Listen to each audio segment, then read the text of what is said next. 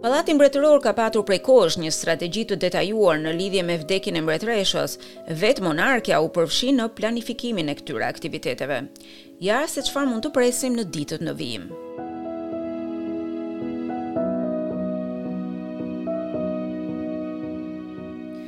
Vdekja e mbretëreshës së Britanisë Elizabeta e dytë do të thotë që në një kuptim kemi një hap drejt të panjohurës, por në anën tjetër, protokolli dhe tradita mbretërore diktojnë se do të ketë një tranzicion të pandërprerë drejt një monarku dhe një rendi të ri. Operacioni Ura e Londrës, i planifikuar dhe i përsëritur me rigorozitet, u formulua për herë të parë në vitet një mijë e nëntëqind e gjashtëdhjetë. Tani ai është në veprim. Operacioni Unicorn ishte në plan në rast se mbretëresha shuhej në Skoci. Ai hyri në fuqi i pari. Trupi i mbretëreshës pritet të prehet në Holyrood House, në pallatin mbretëror në Edinburgh. Më pas, ai do të vazhdojë në një katedrale në qytet, përpara se të transportohet me trenin mbretëror në Londër. Dita e shpalljes së vdekjes së mbretëreshës shënohet me D-Day. Dita pasuese etiketohet D+1. E nesërmja D+2 e kështu me radhë. Brenda pak minutash nga dhënia e lajmit për vdekjen e saj, flamujt në Mbretërinë e Bashkuar ulen në gjysmë shtizë. Kjo ndodh në mbarë botën.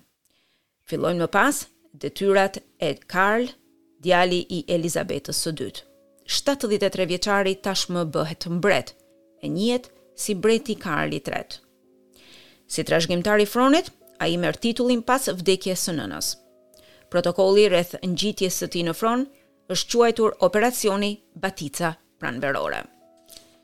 Detyrat e tij fillojnë menjëherë dhe ai pritet të takohet me kryeministren e re të Mbretërisë së Bashkuar Liz Truss, e cila u betua vetëm këtë javë përpara mbretëreshës. Brenda njëzet e katër orëve, Këshilli i Aderimit mblidhet në Pallatin St. James në Londër dhe ai shpallet Karli i Tretë. Në ditën e pestë, trupi i mbretëreshës merret afërsisht 1600 metra nga Pallati Buckingham në sallën Westminster në Pallatin e Mbretërisë së Bashkuar për të qëndruar për homazhe për katër ditë. Salla është e hapur njëzet e tre orë në ditë, ndërkohë që anëtarët e publikut do të kenë mundësi të shohin arkivolin e saj. Për shumë, mbretëresha ka qenë vetëm një imazh në ekranin televiziv. Tani të gjithë do të kenë mundësinë të shprehin respektin e tyre në nivel personal. Në të gjithë Mbretërinë e Bashkuar dhe në të gjithë botën, librat e ngushëllimeve do të vendosen në ndërtesa të tilla si bashkitë, Në ndryshim nga funerali i princeshës Diana në vitin një mijë e nëntëqind e nëntëdhjetë e shtatë, koha e shuarjes së mbretëreshës përkon edhe me zhvillimin e mediave sociale. Të gjithë kanë një platformë të mundshme ku mund të shprehen, pozitivisht ose negativisht. Funerali shtetëror i mbretëreshës pritet të mbahet në Westminster Abbey. Përpara funeralit, anëtarët e familjes mbretërore europiane dhe të ftuar të tjerë të nderuar, përfaqësues të pesëmbëdhjetë vendeve ku mbretëresha është kreu i shtetit, plus tridhjetë e nëntë vendeve të tjera anëtare të Commonwealth-it do të fillojnë të mbërrijnë në Londër. Në prag të funeralit, në ditën e gjashtë, do të ketë edhe një provë të procesionit funeral. Në ditën e dhjetë, e cilësuar edhe si një ditë zyrtare zie në Mbretërinë e Bashkuar, arkivoli i mbretëreshës, i shoqëruar në këmbë nga anëtarë të familjes mbretërore, do të transferohet disa qindra metra larg nga salla e Westminster në Westminster Abbey. Abacia shtatëqind vjeçare, vendi i kurorëzimit të mbretëreshës në vitin një mijë e nëntëqind e pesëdhjetë e tre, i dasmës së saj në vitin një mijë e nëntëqind e dyzet e shtatë, do të jetë gjithashtu edhe vendi i lamtumirës së saj publike. Në fillim të shërbimit funeral Britania e Madhe do të heshtë për dy minuta ndërsa kujton monarkun e saj më jetëgjatë. Pas funeralit, arkivoli do të vendoset në të njëjtën karrocë me armë që u përdor për babain e saj, Mbretin Xhorxh të Gjashtë, dhe do të tërhiqet nga njëqind e tridhjetë e tetë marinarë të rinj.